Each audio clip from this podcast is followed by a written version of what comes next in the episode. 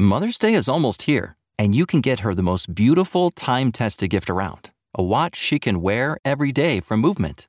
Whether your mom is into classic dress watches, rare and refined ceramics, or tried and true bestsellers, Movement has something she'll love. And right now, everything at Movement is up to 50% off site wide during their Mother's Day sale. A watch is a gift that celebrates all the time you spent with mom, and a Movement watch is even more than that. Movement uses industry leading materials for their fresh modern watch designs, from technically complex ceramics to vintage inspired style all for an incredible value your wrist and wallet will both love. And with one size fits all convenience and fast free shipping and returns, it's a stress free shopping experience. Save big on the best Mother's Day gift ever with Movement. Get up to 50% off site wide during their Mother's Day sale at MVMT.com. Again, that's up to 50% off at MVMT.com. Fighting Through Podcast, Episode 1 Dunkirk. This morning, the British ambassador in Berlin handed the German government a final note stating that unless we heard from them by 11 o'clock, that they were prepared at once to withdraw their troops from Poland, a state of war would exist between us. I have to tell you now that no such undertaking has been received and that consequently this country is at war with Germany. On that fine Sunday morning of September the 3rd, 1939, when at 11am the Prime Minister announced over the wireless that a state of war existed between Great Britain and Germany, there were thousands of men living peaceably in the North Riding of Yorkshire who never dreamed that in the course of the next six years fate would lead them to widely scattered regions of the earth.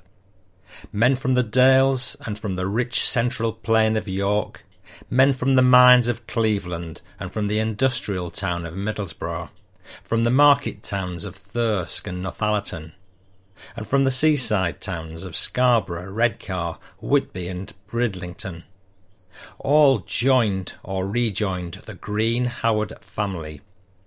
Those who were too old proudly took up arms in 1940 as members of the Home Guard, ready to face any invader who should dare to attempt to put a foot on Yorkshire soil.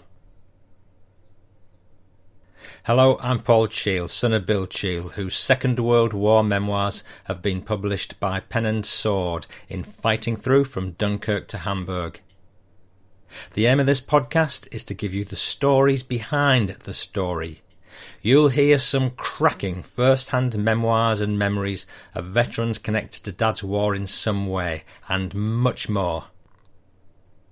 You've just heard a bit of narrative from Captain W.A.T. Synge, who wrote a book called The Story of the Green Howards, and the book covers the entire period of the war from 1939 to 45. Before that, you were listening to Prime Minister Neville Chamberlain's declaration of war speech in September 1939. Dad was listening to that speech live on the radio whilst camping with pals in Devon and he had to motor back up north quickly in what was his first car to join his regiment, the Green Howards, in Middlesbrough. Dad was in the war from beginning to end, and he was involved in several major conflicts, including Dunkirk, North Africa, and D Day. He was an ordinary soldier who had what I feel was a quite extraordinary war. His war started off at Dunkirk, and that's the subject of this, my very first episode. This is the first chapter in Dad's memoirs. The chapter's called Looking for Bray Doon. May 1940. Britain and her allies were at war with Germany. My B Company was part of the British Expeditionary Force in France. Germany had invaded the country and was now putting pressure on the Allied forces.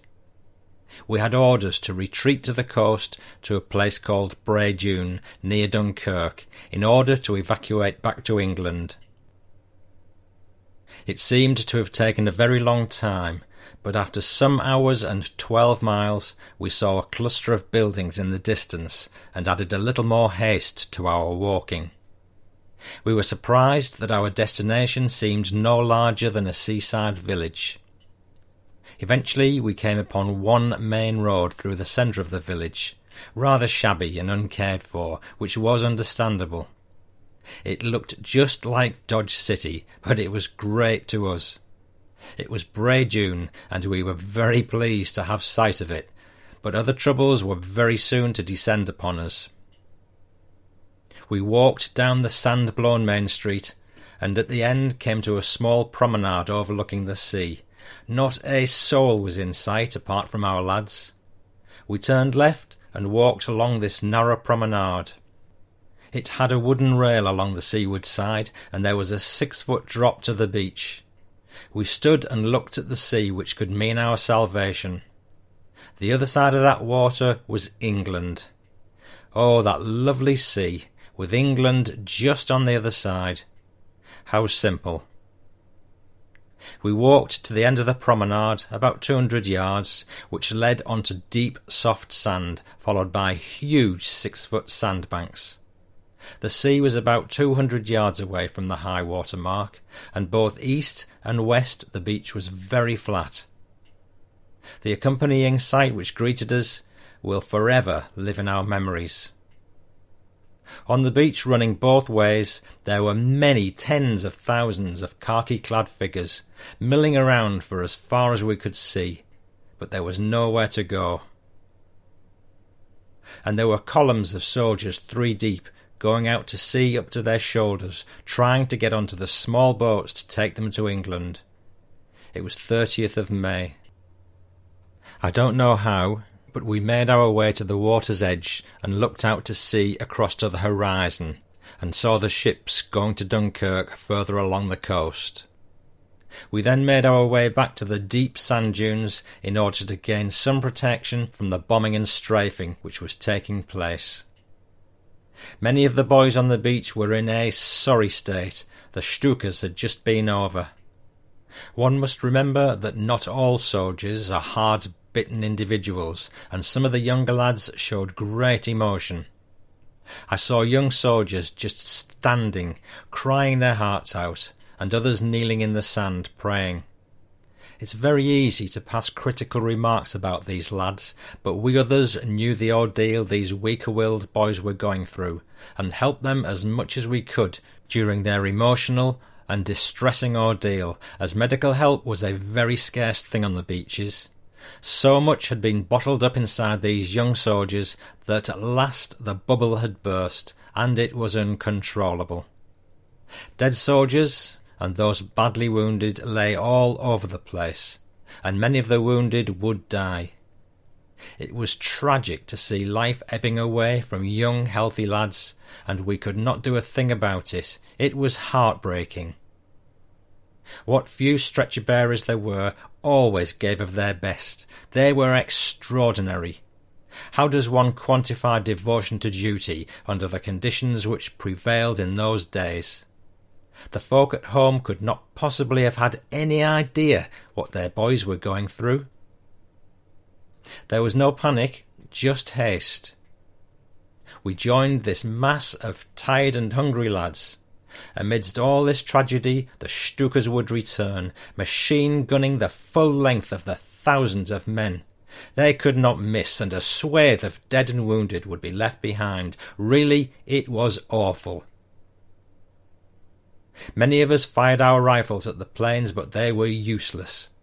Nobody can imagine what it's like to be bombed by a German Stuka.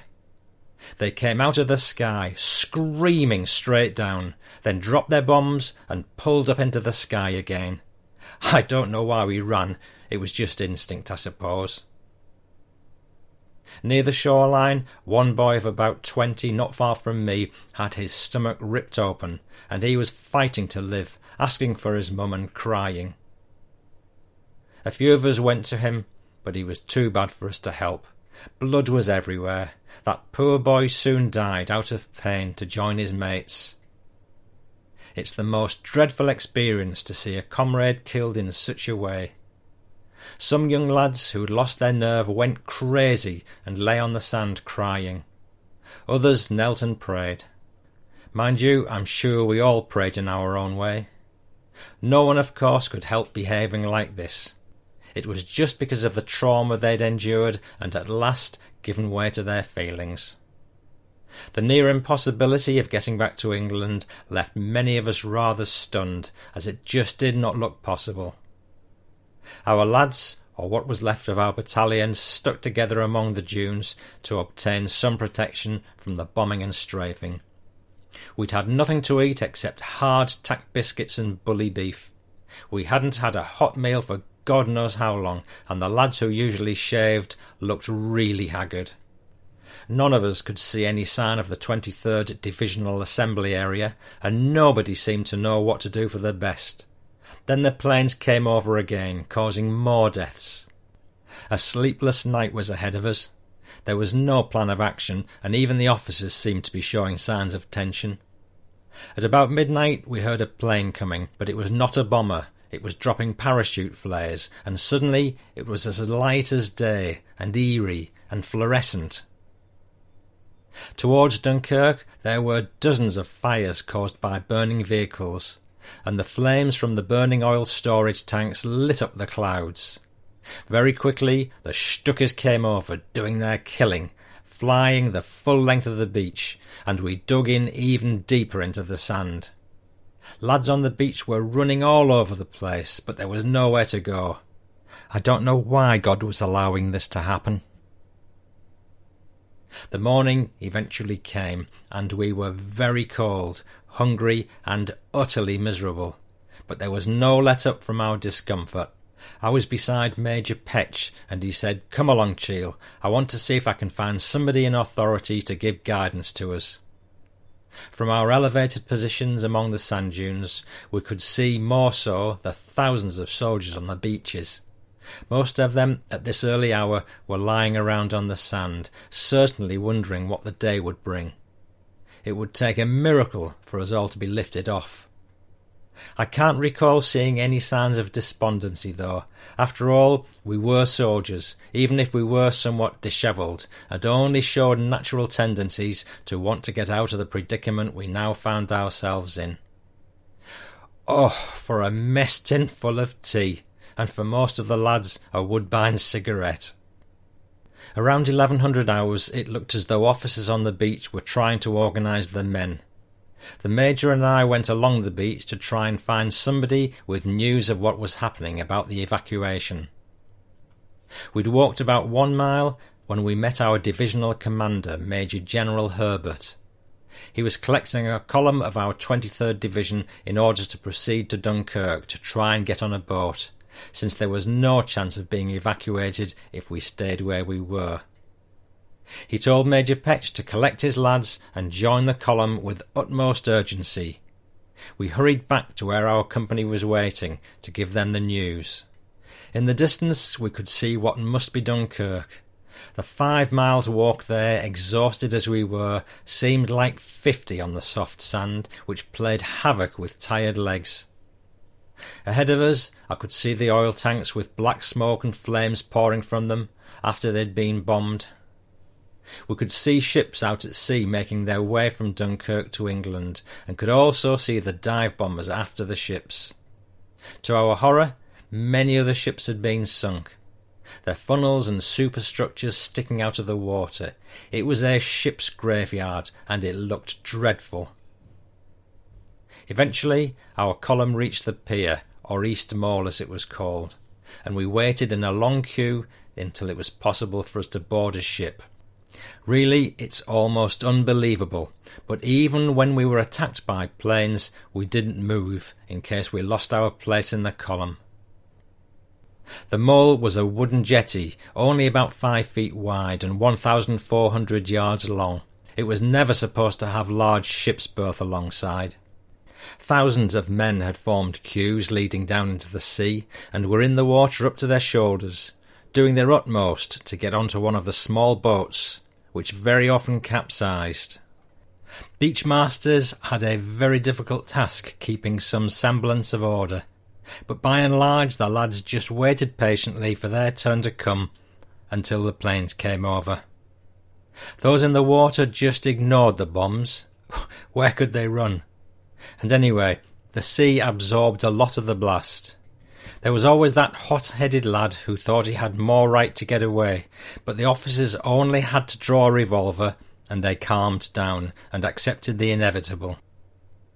In the prevailing mood of many of the men, it was common to see groups of soldiers kneeling down, being led by a padre in prayer. There, by the side of the jetty, a ship was waiting to be loaded with human cargo. We walked along the wooden pier, and back came the planes. It seemed never ending, trying to bomb our ship, but without success. We walked along for about half a mile to the ship we'd be boarding. Miraculously, the mole was still intact, but there was a six foot gap in the planking where a bomb had gone through without exploding, and loose planks had been put across. Some lads, in their desperate hurry, chose to jump the gap with their full kit on. Luckily, none fell into the water. Another thirty yards, and we came to our ship. At the top end of a gangway stood an officer counting soldiers as they went aboard. The ship was a ferry ship called the Lady of Mann. How could I forget that name? How lucky we considered ourselves to be. Out of all those thousands of men, we were being given the opportunity to be evacuated. It was almost impossible for men of the same companies to stay together, but that was no consequence at a time like this. The ferry was fast becoming packed with grateful lads. The captain would know how many men the ship could carry, but God alone knows what would have happened had a bomb hit us. I was lucky enough to be on deck to see what was happening, and it must have been very claustrophobic down below deck. I kept my eyes on the nearest Carley float in case the worst happened. The fact that we'd managed to get on a boat was no guarantee that we'd reach England, because the Luftwaffe was doing its utmost to prevent us. As the ship was filling up, a padre came and stood on a ladder, called for silence, and prayed for our deliverance to England. At last, packed like sardines, the ship started to tremble, and so very slowly we pulled away from the mole. It was eighteen hundred hours. Being a little taller than many of the lads enabled me to have a panoramic view of the whole length of the beach. How many of those boys would get back to England? and how many would be killed or taken prisoner. The beach was as crowded as ever. Then suddenly I saw a German fighter plane skimming above them, firing cannons. It reminded me of a row of dominoes being knocked down from one end. The dense black smoke from the blazing oil storage tanks still reached far into the sky. There was another loaded ship about one mile ahead of us, and suddenly I heard the Stukas returning, screaming down almost vertically. I saw bombs leaving one of the planes, and was certain our time had come, and that this was the end. My thoughts were mixed with prayer and despair as I prepared for what I thought was inevitable. How the heck did it all come to this? As the bombs came tumbling out of the sky towards us, my life flashed before me, and in an instant I relived every moment of my time since just before the war, when life had seemed so good.